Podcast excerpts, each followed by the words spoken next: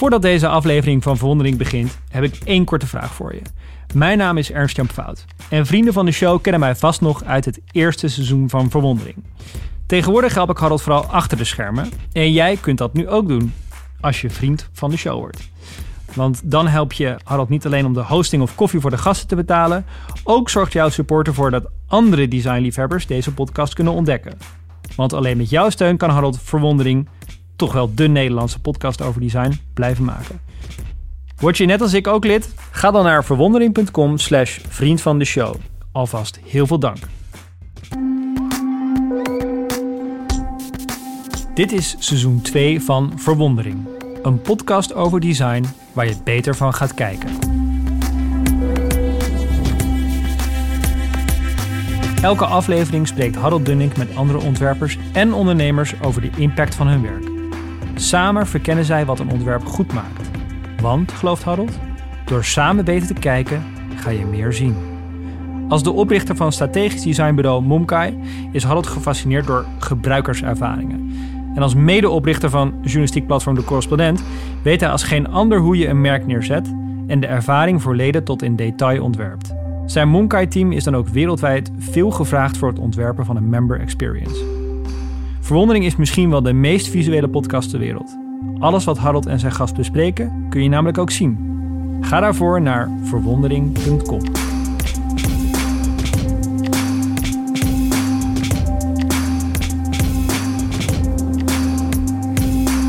Het was een van de meest bizarre presentaties die ik ooit heb gegeven. Daar in de kelder van De Groene, het opinieblad dat al sinds 1877 van de persen rolt. Het was 2013. Op Wijnberg en ik, oprichters in Spee, stonden vooraan te popelen om te vertellen hoe we de correspondent twee dagen later zouden lanceren. En wat was Momkai voor deze crowdfunding hadden bedacht en ontworpen. Eén probleem. Het zaaltje was volledig gevuld met journalisten. Het fijnste publiek, want juist voor hen gingen we dit digitale podium bouwen. En het vreselijkste publiek, want sceptisch zijn is hun vak. En hoe? Niemand geloofde erin. Alexander Klupping, gezeten op de voorste rij, vat het even fijntjes voor iedereen samen. Ja, het ziet er leuk uit, maar dat gaat natuurlijk nooit lukken. Top. De computer die we langs de wand hadden gezet, zodat de bezoekers van deze generale zich vast konden inschrijven, werd gemeden als de pest. Hoewel, één iemand wist die dag de weg naar de one-pager te vinden. Sterre Springers, de bevlogen beeldredacteur van NRC Next. Sprong in de diepe en waagde de overstap. Dat Sterre zaken vaak anders ziet, is dan ook haar grootste kracht. Zij kiest het beeld op het platform en denkt na over hoe je überhaupt iets kunt verbeelden. Het kan heel goed zijn dat je haar naam nog nooit hebt gehoord. En toch bepaalt ze vanaf het prille begin alles wat je ziet op decorrespondent.nl. Tegenwoordig al lang niet meer alleen. Als creative editor-in-chief heeft ze een eigen redactieteam. Van beeldredacteuren tot infographic designers en van front-end development tot audio-nabewerking. Of, zoals ze zelf zegt, een creatief team voor alle vertelvormen die niet alleen uit tekst bestaan. En daar komt nu een heel nieuw platform bij, met de lancering van een eigen audio-app. Gebouwd door de developers van de correspondent, met advies van Q42 en ontworpen door Momkai. Voor de meest privacyvriendelijke luisterervaring. Je vindt er podcastshows, luisterdocumentaires en voorgelezen verhalen. Sterres unieke kijk op beeld, vorm en nu ook audio is voor mij erg inspirerend. Vanaf onze eerste ontmoeting merkte ik dat zij een blik kan doen kantelen. Wat begon met een betoog voor minder beeld en een zoektocht naar beeldvorming, is uitgegroeid tot zeven jaar aan nieuwe vertelvormen en spannende experimenten. Sterre, welkom in mijn werkkamer.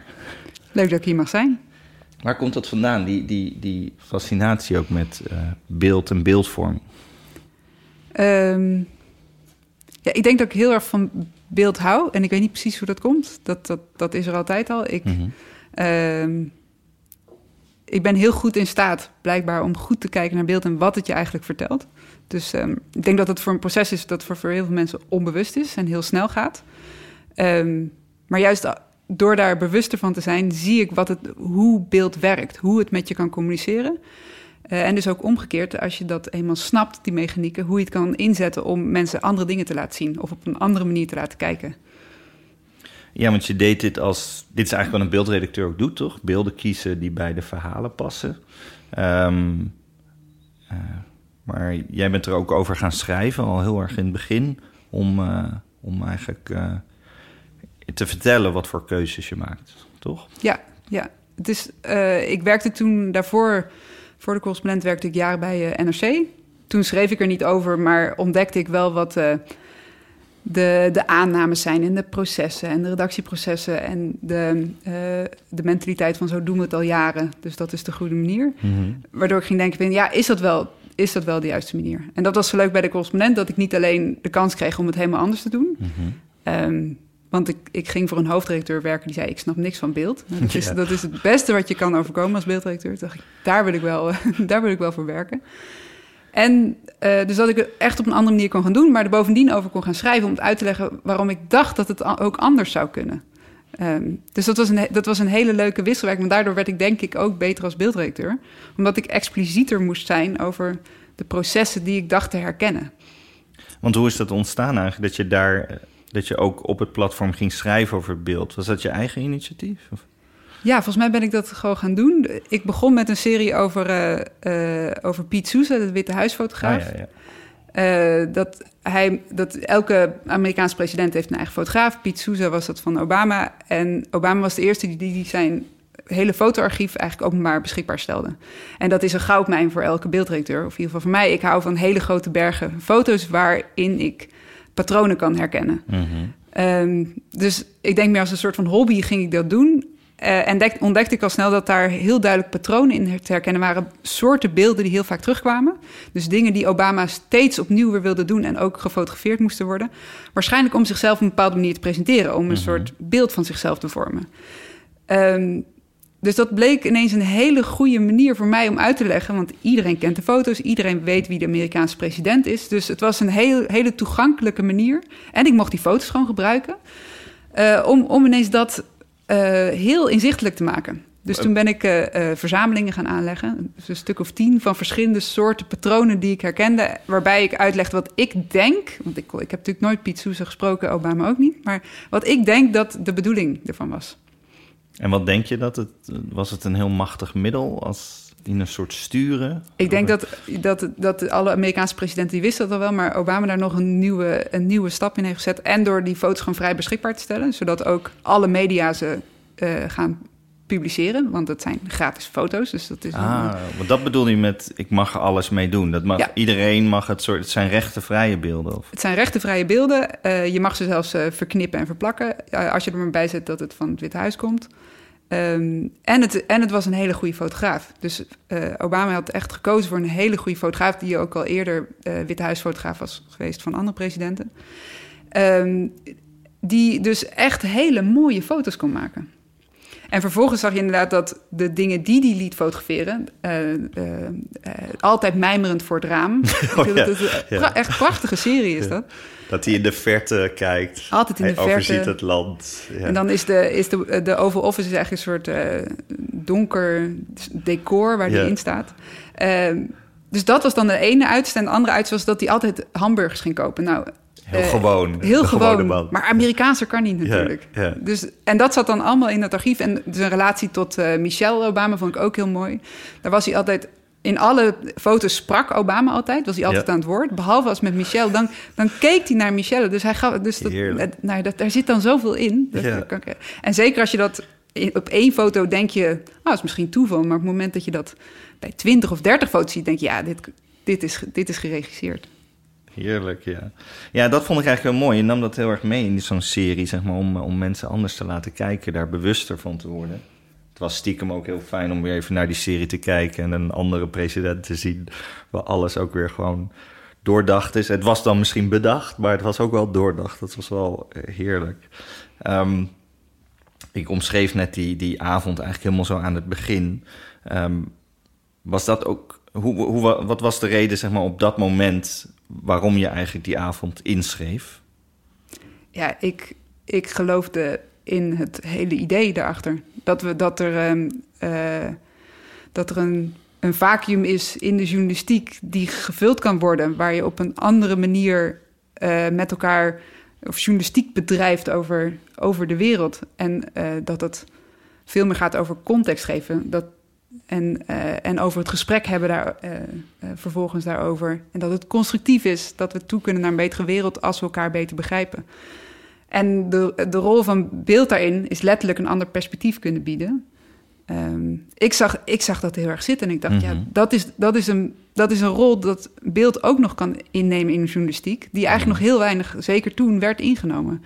Het was altijd, het liet ook, de, de foto in de krant liet letterlijk zien wat de tekst beschreef. En dat moest ook, dat was ook de, dat was de rol van fotografie. Maar ik dacht, als het ook iets anders kan laten zien. En als je al tig keer dit hebt gezien bij het onderwerp, misschien moeten we dan nog iets nieuws laten zien. En ik zag dat in de kunst en zo gebeuren, maar niet, niet in de journalistiek. En toen, dat, toen de correspondent werd gepresenteerd, toen dacht ik van ja, de mediakritiek die Rob heeft Mhm. naar de journalistiek, die heb ik eigenlijk ook naar eh, het beeldgebruik binnen die journalistiek. Dus ik kom, ik kom me daar, eh, ik, ik stond te springen. En wat, wat is een voorbeeld van zo'n van zo'n ehm, cliché? Ja, er zijn er, zijn er ehm, ik zie ze, het is, het is de hele wereld van de stokfotografie eigenlijk. ja.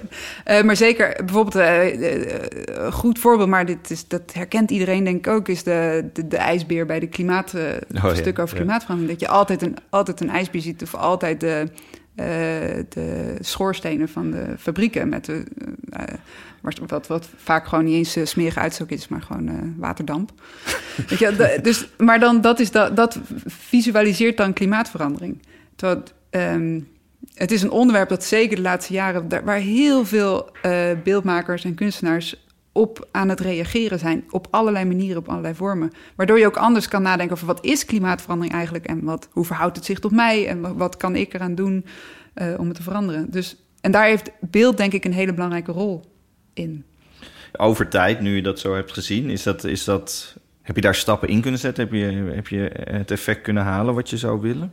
Nou, ik, ik kan me nog goed het gesprek herinneren dat wij als eerste hadden toen we elkaar ontmoetten. Toen was je al bezig met het ontwerpen van de correspondent. En, ehm, Waar was dit? Dit was hier in de, op de, Oh, ook op in de studio. ja, hier in de studio van, eh van Momkai. En eh, het was de eerste keer dat wij elkaar ontmoetten. En jij was een beetje vertellen wat je, wat je aan het ontwerpen was. En eh, ik weet nog dat ik toen vroeg van... kan je iets ontwerpen wat ook goed eruit ziet zonder beeld? Oh ja, ja, ja. En dat Ja. sloot eigenlijk heel goed aan Ja. op jouw filosofie over rust. Ja. En het ontwerpen voor rust. En ehm, dat ik zei, want op het moment dat het beeld niet meer hoeft, maar mag... eh, is, ontstaat er zo'n vrijheid om ander soort beeld te publiceren. En ook bij soms bij stukken te zeggen... hier hoeft geen beeld bij. Of ik Mhm. kan hier niet een goed beeld bij bedenken. En het dan alsnog kunnen publiceren.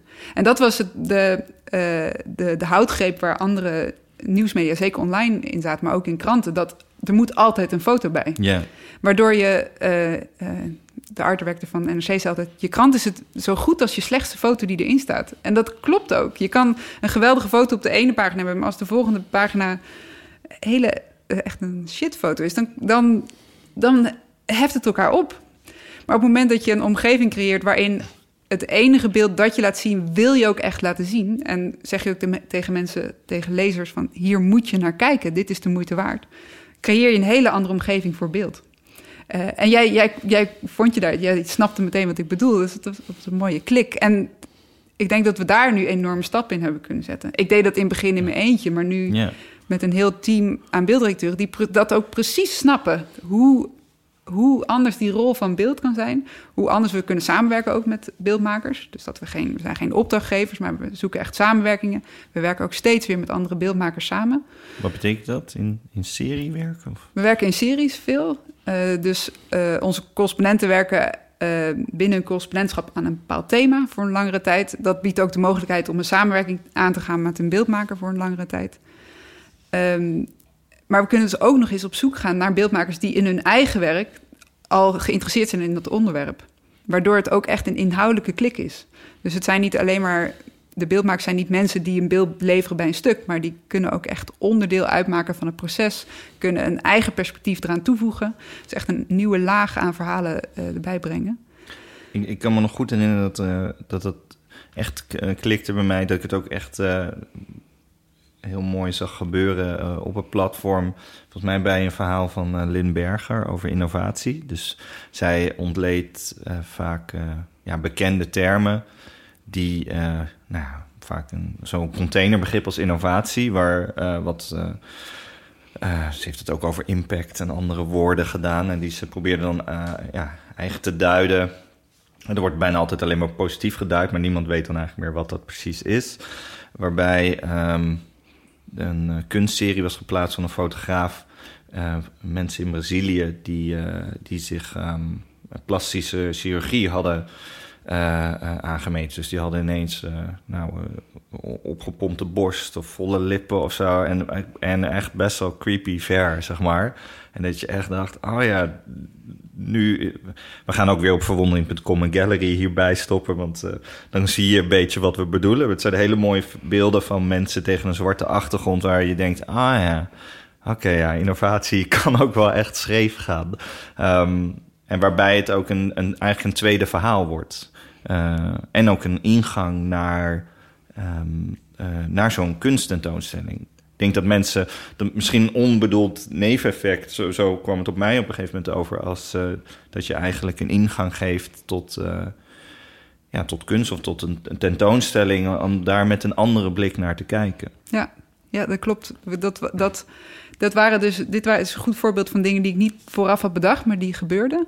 Dat Um, en ik, met zo'n verhaal, ik weet dit verhaal ook nog goed. Het was van uh, fotograaf Phil Toledano. En het duurde heel lang voordat ik de juiste serie vond. Want Lin, er zat een soort kritische ondertoon in haar mm -hmm. stuk. En um, alles wat gaat over innoveren is inderdaad heel positief. En heel, uh, techniek, we, we, kunnen niet ver genoeg gaan. En dan ineens klikte het. En toen bleek in dat geval ook nog dat er een tentoonstelling was. Op dat moment waar je naartoe kon om dat werk te zien. Mm -hmm. En uh, dus toen hebben we dat in, in, een linkblok onder het stuk toegevoegd. Echt iets uitgelegd over het project. En ook gezegd, je, je kan het nu gaan zien. En toen ineens kreeg dat artikel nog een laag. Mm -hmm. Want het was inderdaad niet alleen het beeld... Uh, uh, gaf een, ook nog in zichzelf kritiek op het onderwerp. Het is nooit op zo'n manier bedoeld... maar door het op zo'n manier bij elkaar te brengen... versterkt het elkaar. En je kan... En het gaat over kunst. Je kan er ook naartoe. Je, dus, dus dat vond, en, dat, en dit soort ideeën, uh, uh, dat hebben we steeds verder kunnen uitbouwen. En um, ja, want het is nu natuurlijk een veel groter uh, team. Um, sowieso een Nederlands en een Engelstalig team, de correspondent en die correspondent. Isabelle is volgens Isabelle van Hemert is een van jouw opvolgers ook als, als beeldredacteur. Die noemde het laatst. Uh, het heeft ook weer een eigen nieuwsbrief. Dus ik zie, het is heel leuk dat je nu verschillende ja, personen op een redactie ziet die ook achter de schermen eigenlijk vertellen wat voor keuzes daar gemaakt worden. Dat ze het noemde het, het onzichtbare zichtbaar maken. Um, en dat ze ook vertelde over dat, dat je eigenlijk de hele tijd associaties aan het maken bent. Um, kan je ons vertellen hoe zoiets begint? Zeg maar, ligt er al een tekst van een correspondent? Of hoe, hoe ziet dat uh, creatieve proces eruit? Ja, het, het verschilt heel erg. Dus in sommige gevallen is een correspondent nog heel erg in, zelf in het begin van het proces. Dus nog niks geschreven, nog geen onderzoek gedaan. Echt uh, nieuwsgierig, maar ook nieuw in een onderwerp. Dat kan een moment zijn voor een beeldredacteur om mee te denken. Uh, bijvoorbeeld meer in, een, in het opzetten van samenwerking met een beeldmaker. Um, dus dan is het echt meer op conceptueel niveau mm -hmm. meedenken en de juiste match, dan is het meer, dat noem ik dat een soort matchmaking. Mm -hmm. als, als er ineens dan een samenwerking met een beeldmaker kan ontstaan die echt versterkend werkt bij de kant op. Dat die auteur nu dan ook weer dingen gaat doen of dingen ontdekt die hij niet had kunnen bedenken. In andere gevallen ligt het stuk, is er al een stuk, een eerste versie. En um, uh, dan gaat een beelddirecteur vaak meer zelf in de slag, die leest dat. Uh, en dan inderdaad is het het proces van associëren. Uh, en ik denk ook een soort verkenning van welke, welke clichés bestaan al over mm -hmm. dit mhm. verhaal. Dus uh, hoe, hoe, wat, welke gedachten komen het eerst bij je op? Nou, dat zijn waarschijnlijk dat zijn die, dat zijn die clichés. Hoe hebben andere media uh, het al in beeld gebracht? Uh, en dan is het vaak een soort uh, totaal associatief grasduinen. dat, dat is internet geweldig natuurlijk. Naar um, andere projecten die het op een heel andere manieren verbeelden. Of dus ook weer, het kan ook een, uh, een opdracht zijn. Dus dat je op dat moment echt een, een illustrator vraagt uh, ook weer erop te reageren. En dan is het meer uh, de rol van de beelddirecteur, een soort art direction. Dus de feedback geven op een creatief proces van een, van een illustrator. Gaat het ook wel eens heel erg mis? Tuurlijk, ja. Het, sowieso kan het een zoektocht zijn om de juiste maker te vinden. En dan mm -hmm. ook nog iemand die kan en wil en tijd heeft. Mm -hmm. dat, dat, daar kan, dat, dat is altijd een spannend uh, onderdeel van het proces. ehm, en soms inderdaad, dan, dan blijkt toch dat je iets in je hoofd hebt over hoe het eruit kan gaan zien. En dat een, dat, dat het, dat een illustrator totaal iets, met iets anders komt. En dat er een soort miscommunicatie ontstaat. Het is natuurlijk wel lastig, ingewikkeld om over beeld te communiceren. Dat, dat, ehm, dat doe je dan vaak in tekst. Ja. Maar eh, het gaat over het beeld. En eh, zeker als je ook nog met makers van over de hele wereld spreekt, dan kan er ook nog een cultuurverschil zijn. Dus, ik kan me iets herinneren met bonsaiboompjes. Dat je dat heel erg moest uitleggen. Ja, dat moest ik uitleggen. Dat was, ehm, maar vooral aan de lezers moest ik dat uitleggen. Het was een stuk dat ging over. eh, eh, er gaat een boom naar de rechter. Mhm. Het was een aanleiding van een boek dat. Waarin de auteur zegt van eigenlijk hebben bomen zijn eigenlijk ook een soort identiteiten. En die hebben ook, eigenlijk moeten we ze ook rechten toekennen. En eigenlijk eh, eh, groeien ze ook binnen familiebanden. Dus dat, het ging heel erg over een soort vermenselijking van de boom. En ik had daarbij foto's van bonsaiboompjes geplaatst. Uit eh, de Bonsai Project, een project van twee kunstenaars. En die, ehm, dat werd door lezers totaal niet begrepen. En lezers, eh, even voor context, eh, dat zijn leden van de correspondent. Die kunnen bijdragen bij verhalen. Eh, en die dialoog wordt ook heel erg opgezocht. Vaak ook onderstukken, een oproep gedaan van of mensen nog eh, ervaring hebben of kennis aan kunnen bijdragen. Dus je nodigt ook heel erg het gesprek uit. Maar in dit geval eh landde het niet zo goed. Nee, mensen vonden het heel zielig. Vinden bonsaiboompjes vonden het heel zielig. Dus de, de associatie met de, de afgebonden eh, voetjes van Oh. Chinese kinderen. Heel Terwijl- gecultiveerd. Heel gecultiveerd, maar dat, die, die blik is natuurlijk ook heel gecultiveerd. Want ehm, eh, de, de kunst van bonsai is juist een verheerlijking van natuur. Het is de meest ultieme vorm eh, en, eh, van natuur die je maar kan creëren als mens. En het is juist helemaal met als doel een, een sublieme afspiegeling van die natuur, natuur te maken... door er heel goed naar te kijken. Dus Ehm, het is ook een cultuurblik waardoor mensen het, een, dat het heel, heel zielig voor die bomen vinden. Terwijl in andere culturen is het de meest verheven vorm van, eh, van kunst en van natuurverheerlijking die er maar is. Volgens mij weet jij ook trouwens heel veel van plantje. Daar hebben wij nooit over gehad. Maar dat ik zat in jouw bier te kijken. Toen dacht ik, volgens mij kwam ze eigenlijk helemaal niet zomaar toevallig bij die bonsai-boompjes. Ben je niet ook een soort... Ik heb ook bonsaibomen thuis. Ja. Heb je er eentje? Drie. Drie. Ja. Hoe groot zijn die? Eh, eentje is behoorlijk groot. Die staat binnen. Dat is een, eh, een, mooie ficus. Die is echt, eh, die, die, die heb ik het langst nu. Ehm, Je maakt een armbeweging van een halve meter. nou ja, ik denk dat die, eh, ja, dat die wel eh, de, eh, 80 centimeter breed is. Wauw. Ja, die, die, en die beho- groeit behoorlijk goed. Eh, en buiten staan er ook twee, die zijn wat kleiner. Eh, ik hou erg van planten, ja, dat is... eh, ik moest er ook aan denken, want helemaal in het begin eh, eh, ehm, noemden we eh, de eigen plek van een correspondent. eh, en, en feitelijk was jij een beeldredacteur die zelf schreef en daarmee ook een correspondentschap had. Noemden we een tuintje. Er was een, een, een, eh, een, een beeldspraak die totaal niet bleef hangen bij mensen. Ook intern eigenlijk. nou, volgens mij heeft nooit meer iemand erover. Ik moest er ook aan denken, omdat ik las een recensie van The Well-Gardened Mind van Sue Stewart Smith. En zij is een psychiater, een Engelse psychiater, die, die, ehm, die eh, beschrijft wat tuinieren eigenlijk met je kan doen. Hè, het heeft ook heel positief effect op, bijvoorbeeld op patiënten. En haar man, eh, Tom eh, Stewart Smith, is een hele beroemde tuinontwerper. Ehm, lijkt me sowieso een prachtig duo om eens een keer bij op, op de koffie te gaan. En die, eh, ehm, die ontwerpt bijvoorbeeld tuinen voor Victoria Beckham of de koningin. Ehm, en er was een, dit was een recensie in de New Yorker. Waar zij eigenlijk op een gegeven moment zeiden... eh, je, je hebt een, eh, een eh, beroemde psycholoog, Donald Winnicott... die het had over de good enough mother. En zij beschrijven dat eigenlijk naar de good enough garden. Dat er dus niet zoiets is als een perfecte tuin... maar dat het veel meer gaat over jouw gevoel bij die tuin... of dat goed is. En dat als er foutjes gebeuren, dat dat helemaal mag bestaan... want daardoor groeit het beter, daardoor kan het ontstaan. En het is ook prima als iets eh, soms afsterft en dat er iets nieuws ontstaat en er zijn seizoenen. Is niet soort, je hebt geen he- heel jaar een perfecte tuin. En ik vond het eigenlijk zo'n fijne omschrijving, het idee van eh, ehm, hoe, hoe je eigenlijk ook kan kijken naar een team en naar een platform waar allerlei verhalen ontstaan. Eh, en ook soms om uit te leggen aan andere mensen: het is ook niet erg als iemand gaat in het team, of het is niet erg als iemand een andere rol wil aannemen of iets. Ehm, zolang jij het gevoel hebt dat dit een good enough platform is of een good enough geheel is.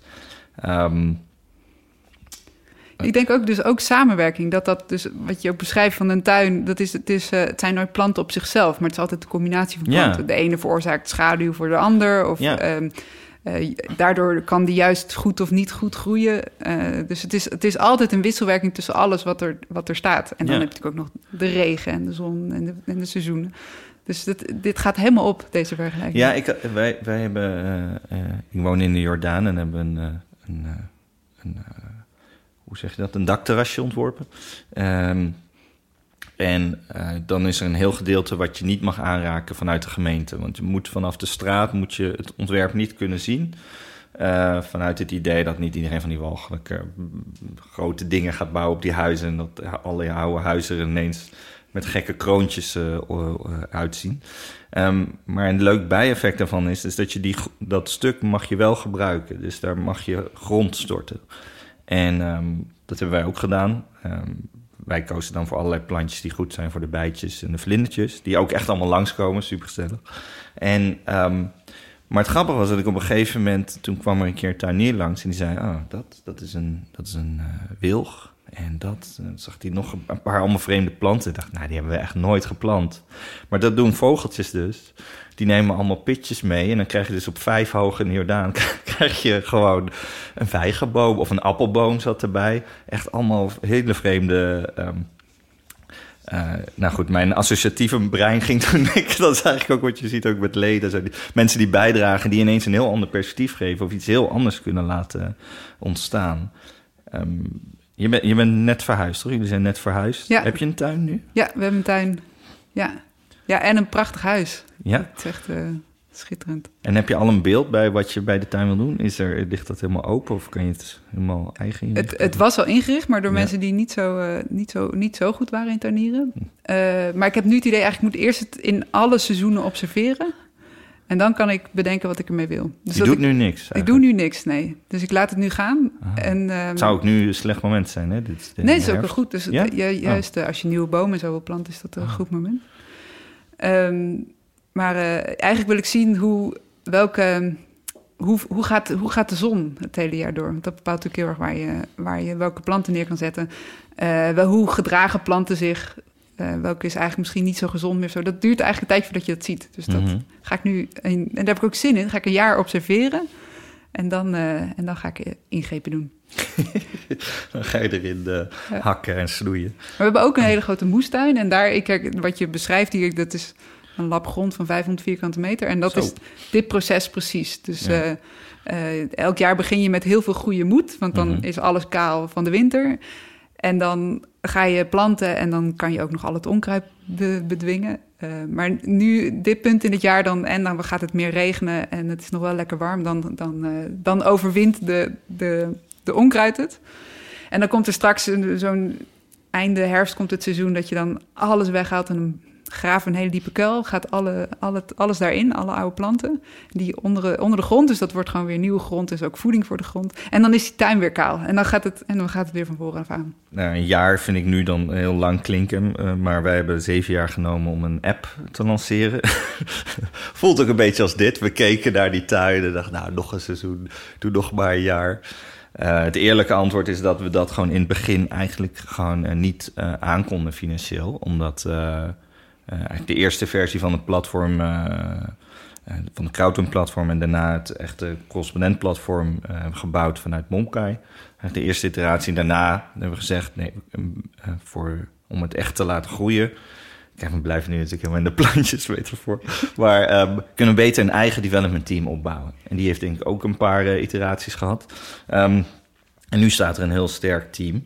Um, waarin we merkten van ja, als je een app uh, erbij gaat doen, dan, dan krijg je een, ja, je krijgt een heel tweede uh, development traject erbij naast het, uh, naast het platform. Um, um, maar we hebben hem nu, nou, we hebben hem letterlijk gisteren uh, gelanceerd. Dus voor, voor, voor jou en mij waren het weer leuke hectische dagen. Ik wou je nog be bellen vooraf aan dit. Maar dat kwam eigenlijk helemaal niet meer van. Want het, we zaten alleen maar in die heerlijke hectiek van de, van de app. Dus er is nu een app voor uh, die correspondent en voor de correspondent. voor Apple en voor ehm, eh, Android. Ehm, wat, wat betekent het voor jou? Ja, ik, ik weet, we zijn eigenlijk in de zomer gingen we er ook pas echt over praten, serieus. Van dit, misschien is dit het moment waarop we het echt kunnen gaan doen. Mhm. Ehm, en dat dat, dat ik merkte van het moment dat we daarover na gingen denken, dat ik ook zag dat het heel logisch was om nu in mobiel te gaan denken. Mhm. Eh, dat we zien eigenlijk al jaren dat onze gebruikers eh, voornamelijk op mobiel kijken naar ons platform. Maar dat, op, dat wij het nog steeds maken, of lijkt het als eerste primaire platform lijkt het desktop te zijn.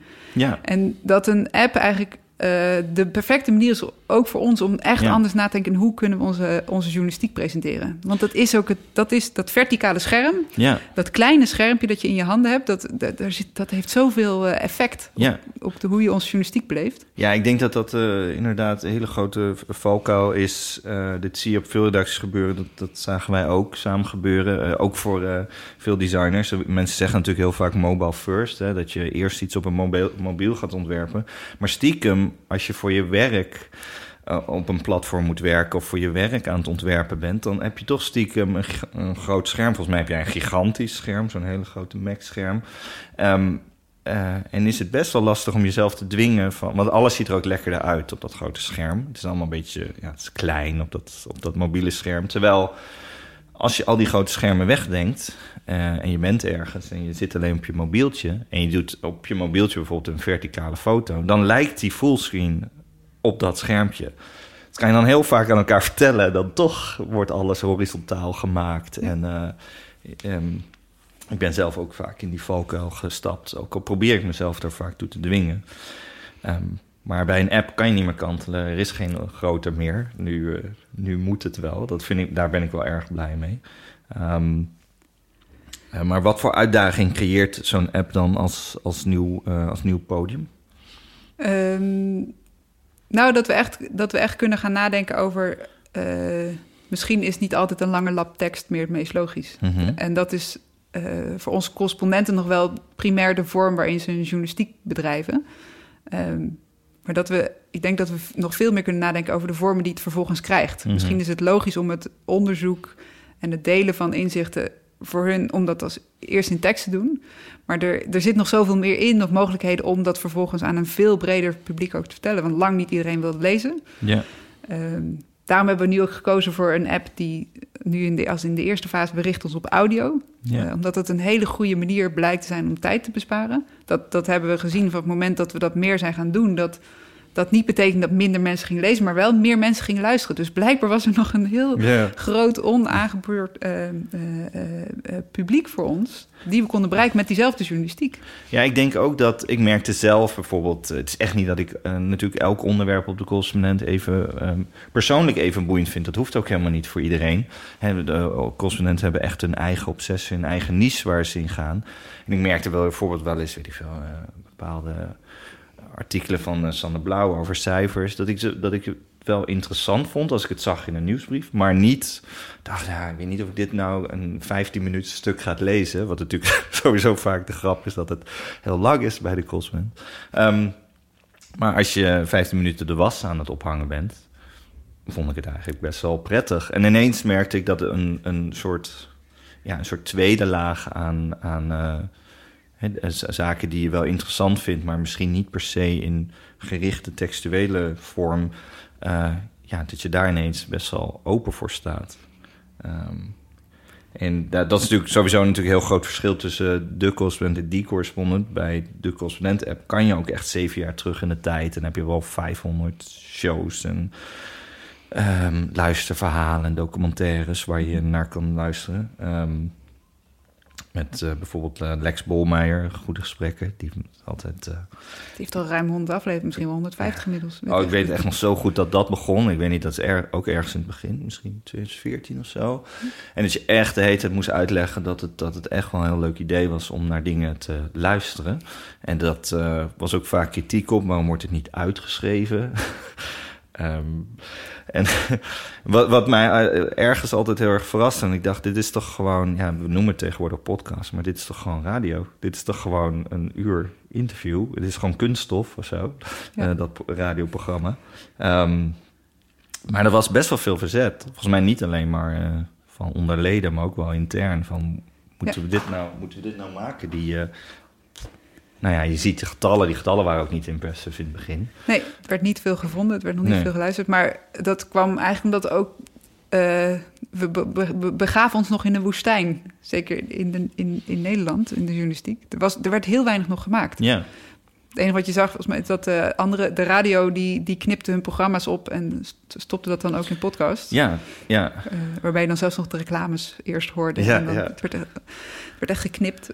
Uh, dus we, we gingen echt iets, iets doen wat nog heel weinig gebeurde. Uh, dus we moesten ook echt inderdaad, het is dan opvoeden is niet het goede woord, maar je, Nee. je moet echt laten zien waar, waar, wat de mogelijkheid is. Nou, het is natuurlijk een heel gefragmenteerd platform. Want je moet zitten dan op Soundcloud, later komt Spotify erbij. Ehm, in, weet ik veel, wat je nog hebt, Stitcher, allerlei gekke platformen. Waardoor het al sowieso heel erg gefragmenteerd is. Uh, een van de redenen natuurlijk om gewoon proberen... Ja, ik ben zelf natuurlijk heel erg blij omdat dat ik nu zo'n app mocht ontwerpen. En zo'n uh, ervaring voor leden konden neerzetten... waarbij je al die andere ruis niet hebt... Dit hebben we ooit gewild, al bijvoorbeeld al bij de crowdfund-platform, dat als je die zelf bouwt, dan als iemand eenmaal crowdfundt, dan kan je vertellen van, hey, misschien kun je nog iemand lid laten worden of kan je dit of dat doen. Terwijl als je dat op een Kickstarter doet, dan is Kickstarters incentive om je te wijzen op een ander crowdfund-project. Um, en dat merk je op al die platformen. Dat is een heel andere, vrije ontwerpervaring die je nu kan doen uh, in, in deze app. Dat je gewoon gericht mag. Uh... Kijk, wij doen natuurlijk stiekem hetzelfde. We gaan zeggen: heb je, de heb je deze show al gehoord? Maar dan zit je wel binnen een bepaalde wereld van, van verhalen die voorbij de waan van de dag gaan. En kan je misschien vertellen wat, wat, wat voor soort. Want we hebben natuurlijk focus nu op audio. Dat is ook eigenlijk weer deels natuurlijk om, een, om in de beperking echt iets heel goeds te kunnen doen. Uh, hopelijk, dat is in ieder geval het streven. Uh, omdat ja, het development team is iets gegroeid, maar niet extreem. Het zijn nu 10, 12 mensen, denk ik. Mm -hmm. En dat we heel erg konden focussen. Um, we hebben eigenlijk de hele tijd gepraat over wat je doet als beeld, maar de audio valt ook onder jou. Ja. Hoe, hoe, hoe, hoe valt dat te rijmen? Hoe zie je dat? Uh, ik zie, ik zie eigenlijk twee sporen, grofweg. Dus we, we lezen verhalen nu voor. Dat, Mhm. mm -hmm. dat um, uh, gebeurt drie, vier keer per week zoiets. Maar we zouden dat heel graag meer willen doen. Uh, lang niet alle verhalen le lenen zich ervoor om voor te lezen. Een, een uitgeschreven interview is gek om voor te lezen. Uh, bijvoorbeeld, maar heel veel ook wel. Dus dat we dat meer en meer gaan doen. Juist ook door de auteurs zelf. Zodat je ook als luisteraar een persoonlijke band kan opbouwen met onze correspondenten. Wat onderdeel is van onze journalistieke filosofie. Of waar Mhm. we voor willen staan. Dus dat we dat verder gaan uitbouwen. En dat is echt een service aan luisteraars en lezers. Dus Mhm. aan leden. Uh, en de andere is echt um, uh, het, het idee van wat een podcast kan zijn... steeds verder gaan onderzoeken en oprekken. Dus dat, we doen nu uh, steeds vaker maken we uh, audio-essays... waarin we echt het audio als vertelvorm uh, experimenteren met wat dat kan zijn. Dus um, dat zijn meestal enkele verhalen... waarin we wat meer vrijheid voelen om, om te experimenteren. Wat, wat, wat heb je een voorbeeld van zo'n experiment? ja, het is mooi. De, uh, Maite Vermeulen, uh, correspondent migratie... die uh, heeft asielzoekers in verschillende landen in Europa... gedurende de pandemie gevraagd om in voicemailberichtjes... hun ervaring te delen over hoe het is om in lockdown te zitten. -hmm. in het asielzoekerscentrum of um, in het land waar ze illegaal verblijven. En dat, dat hebben we volgens aan elkaar gemonteerd. Maar dat is een hele mooie vertelvorm...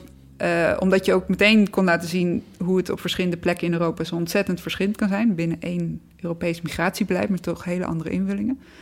En, uh, en wat, zo, wat iets, wat, wat die pandemie met hun doet, waar we allemaal in zitten, maar wat, wat, wat voor een effect dat heeft voor, uh, voor asielzoekers en hoe heftig dat is. Dus dat was een mooie manier, want we konden, ze, we konden niet naar ze toe. We konden, uh, Maite had ze wel kunnen bellen, maar door ze hun eigen stem te geven. En dat niet uit te schrijven, maar ook echt te laten horen met, met de achtergrondgeluiden van ja, de kampen ja, ja. waar ze in zitten. Krijg je een heel, het is, het is best wel heftig, maar wel echt een mooie, een mooie vertelvorm. Heel direct. Ja, het zijn een soort voice clips, toch? Waar, ze, waar je ze hoort spreken. Uh, um, ja, gewoon letterlijk met hun eigen stem. Is soms ook natuurlijk niet is minder goed te verstaan soms. Of er zit een heel een zwaar accent op. Um, maar maar ja, een van de dingen die, die me altijd opvielen in de audio is dat het eigenlijk veel intiemer is. Alsof je er soort bij bent. En hun verhalen, ja, er wordt heel veel over gesproken, maar nooit zoveel met ze gesproken. Uh, met, met, met, dit, met deze asielzoekers. Dat je ze gewoon een. Ja, dat je, dit soort stemmen wil natuurlijk altijd al een podium bieden, maar nu ben je dan geven ze heel letterlijk hun eigen stem. Um, hoe, uh, is dat ook een, een heel is dat ook voor de makers, voor de correspondenten, een, een, een soort mind switch in, in dit, dit soort mogelijkheden? Ja, ja en dat is, dat is leuk, leuk nu, dat moment dat we een audio, dat we presenteren, dat, of intern presenteren van we gaan echt een audio-app bouwen. Um, uh, dat correspondenten meteen met ideeën kwamen mm-hmm. over wat het kan zijn. Ik denk dat de afgelopen jaren auteurs zelf ook meer audio zijn gaan luisteren, podcasts zijn gaan luisteren en ontdekken wat het medium kan zijn. En uh, dus nu meteen met ideeën komen van binnen mijn correspondentschap kan ik dit nog niet zo goed doen. Dit kan ik wel in tekst. Maar eigenlijk wil ik, wil ik uh, uh, het zijn vaak meer de, de onderzoekende gesprekken of de, uh, de intiemere delen van hun correspondentschappen die ze niet in tekst is het meteen af en ja, ja, definitief. En, dat werd ook vaak als zwaar ervaren, toch? Dat, dat heb ik echt moeten leren in het begin. Dat um, we hebben een soort eh, template ontworpen voor verhalen. Uh, met een illustratie en een titel. En dat werd soms ook best wel zwaar ervaren. Want je hebt dan het gevoel, ja, maar ik moet wel 10, 12 minuten aan tekst hebben geschreven. En dit is het grote inzicht. Terwijl ik weet nog niet zo goed of ik daar ben. Of um, het was onbedoeld, werd, werd, hadden we een eigenlijk een hele, een, een, ook een bepaalde druk ja. gecreëerd. Ja, klopt. En dat is denk ik, kan audio een hele interessante vorm zijn, omdat om te experimenteren waar nog ruimte zit. Uh, voor, voor twijfel, voor het onderzoekende gesprek, voor, ja. voor andere stemmen, ja. uh, die letterlijk aan het woord laten. Hoe anders dat is dan als je het zelf weer vertaalt naar tekst. Ja. Ja, ik heb het ook. Uh, ik heb uh, Esther Klein, volgens mij, die heeft uh, de oprichter van Vox met een V.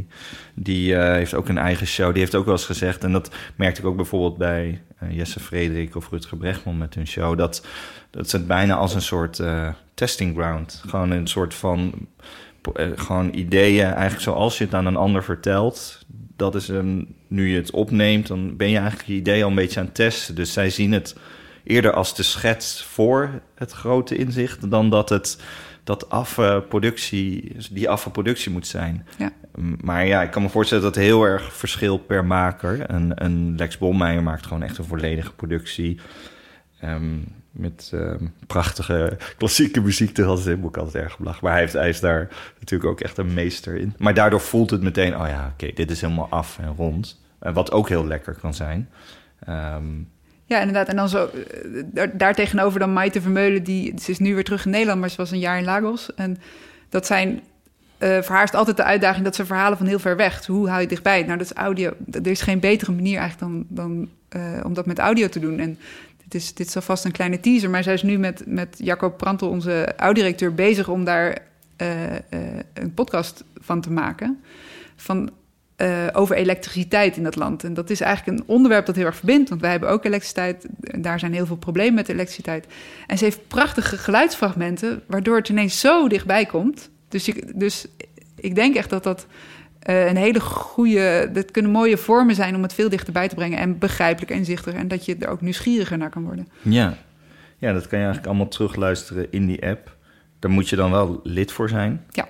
Goed om te weten dat we dat dan weer niet zo mogen zeggen in de app. Want een van de moeilijkheden van de app is dat we.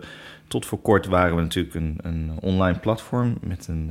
Uh, nou, kan je als, je als jij denkt: het is een goed verhaal je drukt op publish, nou, dan staat het live. En. Um, ja, dat vind ik toch wel weer fascinerend in zo'n heel app-traject. Um, uh, uh, ineens bepaalt iemand anders. die, die beheert eigenlijk de, market, uh, de, de marktplaats. Dus enerzijds Apple voor iOS en dan Google voor Android. En die hebben allerlei regels over wat je, hoe je het mag presenteren of hoe je het moet zeggen. Um, dus in die, in die beeldspraak van de tuin, nou, de, de appelboom, die bepaalt eigenlijk hoe alle andere vruchten moeten zijn. Um, wat ook wel ja, gek is, want ik mag dus niet. ik mag het hier natuurlijk wel zeggen, van als je, als je wil luisteren in de app, moet je lid zijn. Maar als ik het daarin zou doen, dan, uh, en je zou bijvoorbeeld ook kunnen inschrijven, we zouden het zo ontwerpen dat je bijvoorbeeld ook lid kan worden in de app, betaal je 30% aan Apple. Voor helemaal, nee, dan gaat er 30% minder naar de journalistiek, maar puur gewoon naar, een, uh, naar het rijkste bedrijf ter wereld. Ja. Um, dat is ook wel uh, uh, frustrerend. Ik weet niet, hebben zij eigenlijk ook, kunnen ze ook effecten hebben op, op, de, op wat je erop zet? Dus op, zeg maar op de content die je plaatst. Want ik kan me bijvoorbeeld herinneren, er was een, een serie over wat je niet ziet als je naar pornografie kijkt. Met allemaal, nou, hele, je kan je voorstellen, hele expressieve illustraties.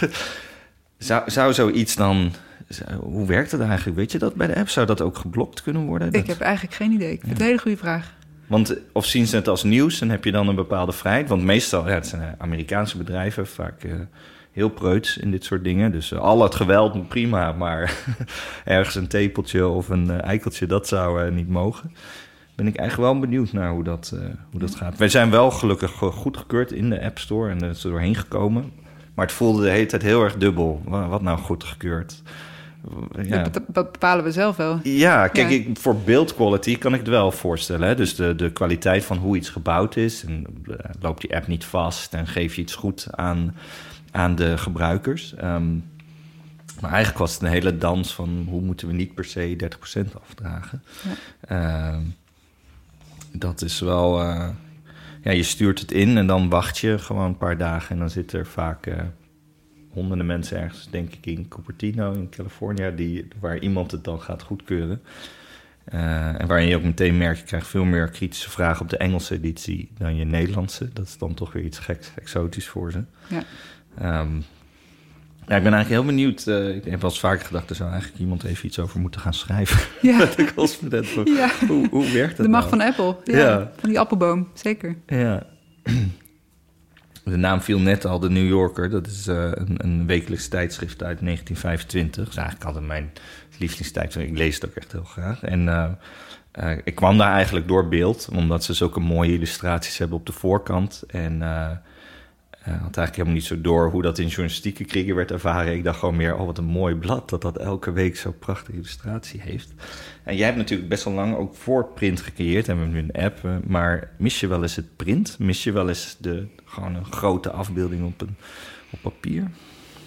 Nee, eigenlijk niet. Het is echt een, uh, een andere vorm. Ik, ik hou echt heel erg van online. En uh, dat er bijvoorbeeld geen uh, beperking in ruimte is. Dus mm -hmm. dat, dat, dat uh, als, ik, als ik fotoseries editte, dat die zo lang en kort mocht zijn als dat nodig was. Dus, uh, en de manier waarop je dingen aan elkaar kan linken. En dus echt de mogelijkheid hebt om verhalen gelaagder te maken. Dat... Ja, ook heel letterlijk bijvoorbeeld bij... je hebt nu natuurlijk ook infographic designers en zo in je team. En een soort experimenten waarbij... Uh, nou, de gelaagdheid bijvoorbeeld van een, uh, van een, een kaart, van uh, hoe Nederland verkaveld is.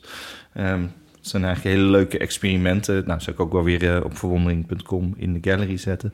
Um, een link naar dat verhaal, waarbij je als je er doorheen swipet of doorheen scrolt, dan zie je al die lagen, hoe over tijd de grond anders is ingericht, anders is ontworpen, door, door Leon de Korte en Helene ontwikkeld.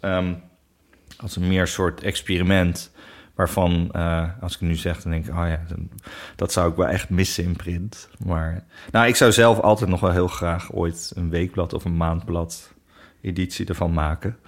Um, mooie droom. Mooie droom, ja. ja. Het voelt ook altijd een beetje als een gekke ouderwetse droom, dat je, dat je toch een ambitie hebt op papier. We hebben die natuurlijk deels wel kunnen doen door de boeken, waar, ja. waarbij je echt iets kan ontwerpen en uh, wat je ook echt aan je moeder kan geven, en dan snapt ze het ook. Dat is toch heel leuk. Um, maar jij hebt dat niet. Jij mist geen. Uh... Nee, ik vind de boeken vind ik wel een, hele, heel fijn onderdeel van wat we maken. En uh, op het moment dat jij zegt, uh, we gaan, laten we eens. en ons bestuur zegt van laten we eens over een, een, wekelijkse uitgave in print of zo gaan nadenken, of een maandelijkse of weet ik veel. Dan, heb ik, dan krijg ik wel zin om daarover na te denken. Maar dat is echt zo'n ander medium. Het is zo'n andere plek. En, en beeld heeft. Dan heb je juist bijvoorbeeld weer heel veel invloed op hoe je beeld laat zien. Nu is het altijd dat je niet weet op hoe groot scherm het is, op, op, op wat voor resolutie, op, ja. op de brightness van het beeld. Ja. Dus het is altijd maar. Je hoopt dat mensen het zien zoals jij het ziet. Uh, letterlijk. Ehm, en in print heb je juist weer alle controle. Dat is, dat is ook een heel lekkere, heel lekkere vorm om in te kunnen werken. Ja, die variabele is eh, inderdaad best wel uh, gek om ook... Ja, ik ontwerp vaak het podium waar, uh, waar anderen dan eigenlijk de verhalen op kunnen plaatsen. Jij beweegt vaak in, in zo'n podium. Dus jij zit vaak binnen het kader wat de ander heeft ontworpen. Um, ja, ook wel eens dingen gefrustreerd, denk ik, in hoe het iets was ontworpen. Uh, of de, dat je minder vrijheden had. Uh, kan je daar nog iets van herinneren of niet? Ja, het zijn, die, die frustraties delen we ook wel, maar het zijn ook technische frustraties. Ja. Of dat, dat we eigenlijk willen dat we meer kunnen in hoe we presenteren dan dat nu kan. Uh, wat we net al aanhaalden, dat het. Um, en ook hoe we werken, dat het toch heel erg desktop eerst is. Ja, dat is en dat het, dat dat, uh, bijna niet te zeggen. Ja, maar dat het eigenlijk helemaal niet... En dat frustreert ook in... in uh, um, uh, dat je weet dat je het eigenlijk anders wil laten Ja. presteren, maar dat het nog niet kan. Ja, dat, ik vind, eh, merk zelf vaak dat dat bijvoorbeeld eh, social dan heel leuk is. Dus eh, vooral Instagram en vooral Instagram stories. Omdat je ineens het gevoel hebt dat je weer alle ruimte hebt. Gewoon puur omdat een plaatje, nou het is volgens mij eh, 16.9 is een widescreen. Dit is gekanteld widescreen. Volgens mij is het gewoon 9.16, wat een ratio is van zo'n story. Ehm, ja, ik vind het heerlijk, omdat ik ineens veel vrijer voel, zeg maar. Van, ik mag dus eigenlijk weer naar fullscreen gaan. Zo groot als dat je het ooit op je... Uh, en dat vind ik wel leuk aan die social pla sociale platformen... dat je daar een beetje kan experimenteren in, in, um, in, in vorm. Vind je dat de correspondent überhaupt social media zou moeten hebben? Dat is eigenlijk een hele goede vraag. Dat, we, uh, dat is eigenlijk een reden waarom we de app nu hebben gebouwd. Dat -hmm. we in het aanbieden van onze audio onafhankelijk willen kunnen zijn van, van andere platforms. Dus dat we ook niet zijn overgeleverd aan mogelijke grillige toekomsten. Uh, dat als um, Spotify ineens ervoor kiest alles achter een betaalmuur te zetten of een ander algoritme in te stellen, zoals wat we hebben gezien bij Facebook de afgelopen Ja. jaren. Dus dat we echt een eigen platform hebben voor onze journalistiek. Dat, dat hebben we nu voor audio gebouwd en dat kunnen we voor al onze journalistiek bouwen. Maar eigenlijk in sociale media zijn we nog steeds afhankelijk van de, van de grillen van, van social media. Dus dat. Ehm, Ja, ik vind altijd een mooi voorbeeld. eh, hè, we, wordt natuurlijk vaak gezegd, er zijn geen advertenties en het is privacyvriendelijk. Dus eh, er, je wordt, wordt zo min mogelijk data over jou verzameld, omdat er zijn geen adverteerders om, eh, om, aan, ehm, ja, om, om allerlei data aan te leveren. Ehm, een van de mooiste effecten vind ik zelf altijd eigenlijk, dat het meest droog ontworpen, is de eh, nieuwsbrief. Het is een, een nieuwsbrief omdat die niet meer... eh, eh, geen, we hoeven geen kliks te verzamelen naar de website. Maakt niet uit hoeveel mensen op die website komen. Als komen ze minder. Als ze, de, de nieuwsbrief is nu zo geschreven dat de belangrijkste inzichten al samengevat worden in de nieuwsbrief. Dus de, dat e-mailtje wat je elke dag krijgt, heeft, een, heeft heel veel uh, waarde voor mij als lid, die het mogelijk maakt dat het platform staat. Maar ik, ik zelf klik heel vaak niet meer door. Wat ook wel erg is, want ik zie dus niet altijd het beeld wat is geselecteerd, want het is vaak ook droger. En het is altijd best wel gek, want ik ben zelf natuurlijk heel visueel ingesteld. Maar toch vind ik die hele droge e-mails die heel duidelijk uh, inzichten delen. Dan heb ik elke dag het gevoel, ah oh ja, ik heb iets geleerd. mhm. Mm -hmm. um, en dan is het veel meer de bedoeling als je echt, uh, dat is misschien een minuutje lezen. Als je echt verder wil, dan kan je naar de site gaan. Dan kan je daar meer lezen. Um, ja. Maar het voelde voor mij nou eigenlijk best ook wel gek. Want zeker voor jou en mijn rol. eh, Je bent dan inhoudelijk creatief eindverantwoordelijk. En ik ben als creative director eindverantwoordelijk voor hoe het gepresenteerd wordt. Dat, dat de meest droge vorm, het e-mailtje waar ik eigenlijk vanuit design heel weinig kan. Um, dat ik die stiekem het allerfijnst vind. Want daar ik, kan ik heel snel, ah ja, ik heb iets geleerd. En als ik dan meer wil, ga ik wel naar de app of ga ik wel naar het platform. Um, maar misschien is een volgende stap die we kunnen maken, is dat die mail ook in de, in de app zit. Mm -hmm. Dus dat we kunnen een vorm kunnen ontwerpen dat, dat dat het eerste scherm is dat, dat je ziet als je de app opent. Ah ja, dat is wel interessant. Ja, ik kan me nog herinneren dat de alle, alle, allereerste ontwerp van de correspondent was het. Dat, dat was. Uh, had ik het eigenlijk alleen maar met tekst. Dus het was een lopende tekst waaruit je kon doorklikken. Maar er zat, en dan was het beeld. Volgens mij zat er niet. Het beeld zat veel later. Volgens mij pas als je doorklikte. En was het eigenlijk gewoon één scan van. Dit willen we vertellen. En uh, dat zouden we eigenlijk inderdaad ook in. Uh, hebben we eigenlijk nooit over gehad. Vind ik eigenlijk wel een leuk idee. Um, Want ik wilde je net vragen over welke uitdaging denk je nu het meest na. Maar waarschijnlijk heb je allerlei de volgende stappen al van de, van de app in je gedachten. Ja, ik ben, ik ben ook wel nieuw naar jouw ideeën. Maar uh, ja, dit is, dit, vind ik, dit is een hele goede, denk ik. Dus dat we ook een, een andere vorm vinden waarin we onze belangrijkste inzichten elke dag weer delen. Ja. Misschien is dat, kunnen we ook vormen in beeld bedenken daarvoor. Dat Ja. we wel daar onderdeel van kunnen uitmaken. Ehm, eh, ik denk ook een, een, een goede navigatie door alles wat we hebben. Want we hebben ons, ons archief is echt een goudmijn ja. aan Hoeveel prachtige... verhalen zijn dat nu, denk je, in het Nederlands? Eh, in totaal, gewoon Ja. tekst ook. Ja. Ja, volgens mij, we kunnen zien hoeveel publicaties we Ja. hebben. En we zitten volgens mij op, op, op eh, wat is het, 11.000? 11.000, wow. Oké. En bij de, bij, het Engelse, bij de Engelse talige zussen? Dat durf ik niet te zeggen. Dat zijn er minder, want ehm, eh, zij publiceren eh, de, de twee à drie dingen per dag. Mhm. En wij, wij- in het begin hadden wij een hogere publicatiesnelheid. Ja, Ehm, wat eigenlijk ook dus het zullen een er duizend opgelegd ritme was, maar Ja, niet per se, dat was helemaal niet logisch. Dat is een krantenritme Ja. dat we hadden. Maar bij, de, bij die correspondent zijn het er nu, ik denk, een stuk of duizend. Oh, wauw. Ja. Ehm, maar dat zijn heel vaak eh, hele tijdloos relevante verhalen. ja. Eh, en dat we nog veel beter kunnen nadenken over hoe we die ontsluiten. Ja, ik zou het liefst eh, heel graag in video duiken. Ik denk dat daar die omgeving zich ook heel erg voor leent.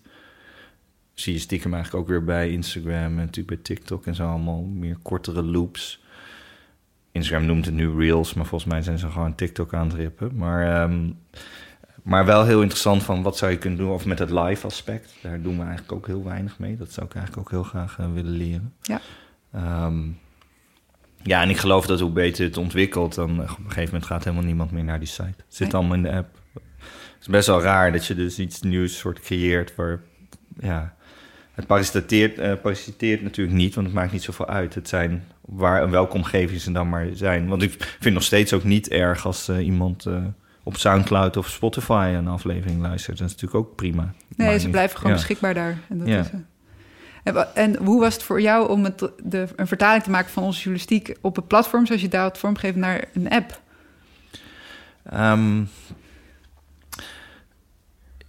Eh, nou, natuurlijk heb ik heel vaak over de app eh, nagedacht en wat ik zou willen doen. Ik merkte dat het heel fijn was toen we een soort focus gingen aanbrengen vanuit het audio-aspect. Dus je kan binnen één aspect het heel soort veel meer gaan uitspelen. Ehm, eh, wat we ook heel simpel hebben gevisualiseerd. We hebben natuurlijk ooit de illustraties van elke correspondent genomen. En gewoon één simpel klein trucje. Iedereen heeft een hoofdtelefoon op. Maakt ineens dat iedereen begrijpt... oh, dit is een luisterapp, deze gaat over audio.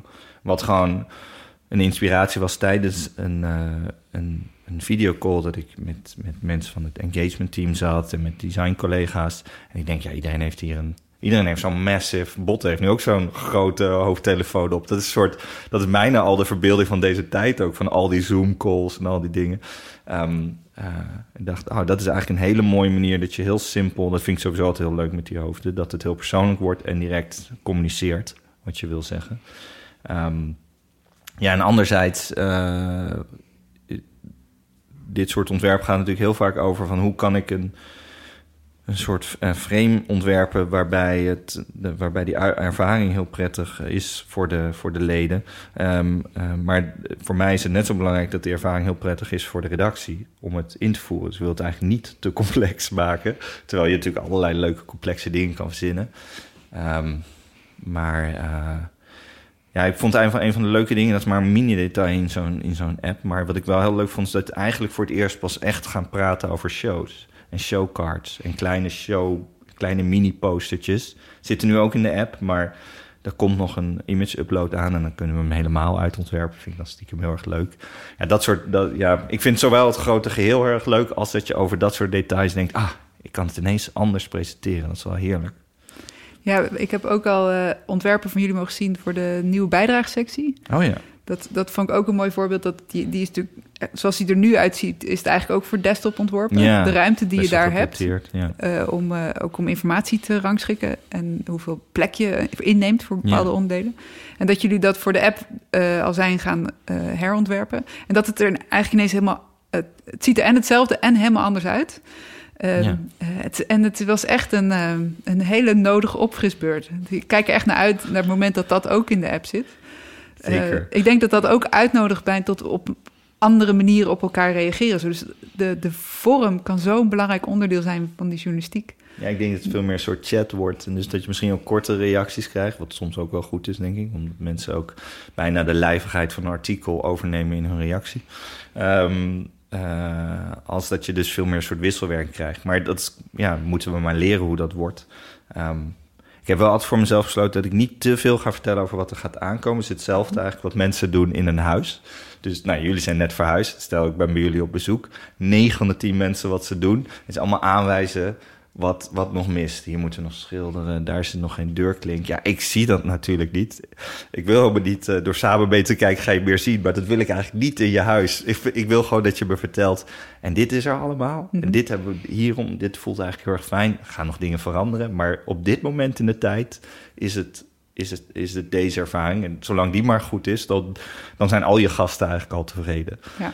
Dus ehm, om eigenlijk soms dan weer niet te veel te teasen. Ehm, als laatste vraag. Voor welk eh, ontwerp ben jij het meest dankbaar Oh, je bedoelt eh, in de hele wereld? in de hele wereld? Mag alles kiezen. Jeetje. Ik wist natuurlijk dat je die... Maar ik heb hem helemaal niet voor mezelf erover nagedacht. Ehm, ik vind deze heel moeilijk om te beantwoorden. Ik kan hem wel, maar die gaat heel... Dat is wat, hoe ik hem nu zou beantwoorden. Misschien morgen alweer anders. Eh, maar ik ben net verhuisd naar een huis van eh, een architect, Klaarhamer. Hij is de, hij is de leermeester van, eh, van Rietveld. Klaarhamer. Klaarhamer. Heerlijke naam. Dus meubelmaker en architect was hij. Dit is in Utrecht. In Utrecht. Hij heeft eigenlijk de hele wijk Ogenal ontworpen toen. Ze zijn begonnen met bouwen in 1920 zoiets. En uiteindelijk zijn er maar vier straten gebouwd... en toen heeft de gemeente het afgeblazen. Ik weet niet precies waarom. Hoe heet deze wijk? Eh Ogenal. Ehm, en het is, het is echt een prachtig huis dat hij ontworpen heeft. Dus het, ik, ik ben daar natuurlijk niet helemaal mee bezig. Ik ben daar Ja. net naartoe verhuisd. En elke dag nog loop ik rond en zie ik nieuwe dingen. Hij heeft, hij heeft het, het zijn hele dikke bakstenen muren. Er zijn heel veel, het zijn veel kleine raampjes. Ook nog een hoekhuis. Dus het is prachtig hoe het licht eh, naar binnen valt.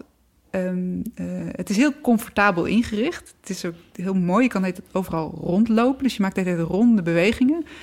Eh, en het, en de, de gevels, het zijn allemaal verspringingen. Dus het is, het is heel, hij heeft het heel speels. Heel geschakeerd. Ja, het is, en het is echt het is prachtig. En we, we hebben het ook geprobeerd. Ik zal niet veel verklappen over wat we nog willen met dat huis. Ja. Wel echt, echt proberen te kijken van wat, wat is dit huis nu? En Ja. hoe kunnen we dat, zoals hij het bedoeld heeft, hoe kunnen we het ook op zo'n manier eh, inrichten en, en ons daarin invoegen? En het is echt, ik heb nog nooit ervaren dat een huis zo'n eh, zo'n plezier op dagelijks niveau kan, kan geven. Dat je gewoon z- doordat hoe de ochtends de zon naar binnen schijnt, hoe die 's middags naar binnen schijnt, doordat je een de muur een bepaalde kleur geeft eh, en, die, en die verspringt dan ook die muur, waardoor, dat, waardoor die kleur eigenlijk tien kleuren in zich blijkt te hebben. Weet je? Het, is echt, het is een sch- schitterend huis. Dus ik denk dan nu, eh, vandaag, gisteren, deze weken, ben ik heel dankbaar voor Klaarhamer en zijn, eh, en zijn ontwerpen dat ik in dat huis woon nu. Het voelt echt als een voorrecht. Oh, prachtig. Mogen we wat eh, foto's van, eh, van jouw huis in de gallery zetten? Dat zal ik doen. Ehm, ja, prachtig. Want ik kan me voorstellen, dat is dan zo'n wijk die je misschien al lang kent. Je kent het werk van Klaarhamer al. Maar nu ben jij... Nu, een huis wordt uiteindelijk natuurlijk ontworpen voor de, voor de bewoners. En dat je het nu zelf mag ervaren. Of ken je al mensen in die wijk? Of is dit... Ik woon naast mijn zus. Oh, je hoort als je zus. Oké. Eh, dus zij, zij woont er al eh, vijf, zes jaar. ja. Ehm, dus ik kende die wijk Ja. wel goed. En ineens kwam dat huis te kopen. En toen dacht ik, ja, daar, Oh, ik wil daar wonen. ja. Maar het is leuk, want we wonen naast elkaar. Maar haar huis is ook helemaal anders. Dus eh, Oh. hij heeft ook... Al die huizen in die wijk zijn, heeft hij eh, anders ontworpen. Oh, fantastisch. Ja, het is echt prachtig. Nou, ik kom snel een keer op de koffie. Je bent zeer welkom. Eh, en dank voor je komst. Dankjewel. Wil je deze podcast steunen? Ga dan naar verwondering.com slash vriend van de show. Als vriend van de show kun je reageren en steun je ons als makers. Zodat we de hosting kunnen betalen, koffie voor onze gasten kunnen inkopen en bovenal dat we dit als liefhebbers van design kunnen blijven maken voor jou. Wil je met jouw organisatie, groot of klein, start-up of skill-up, ook eens met Harold's designteam werken? Ga dan naar momkai.com of stuur Harold een berichtje op Instagram.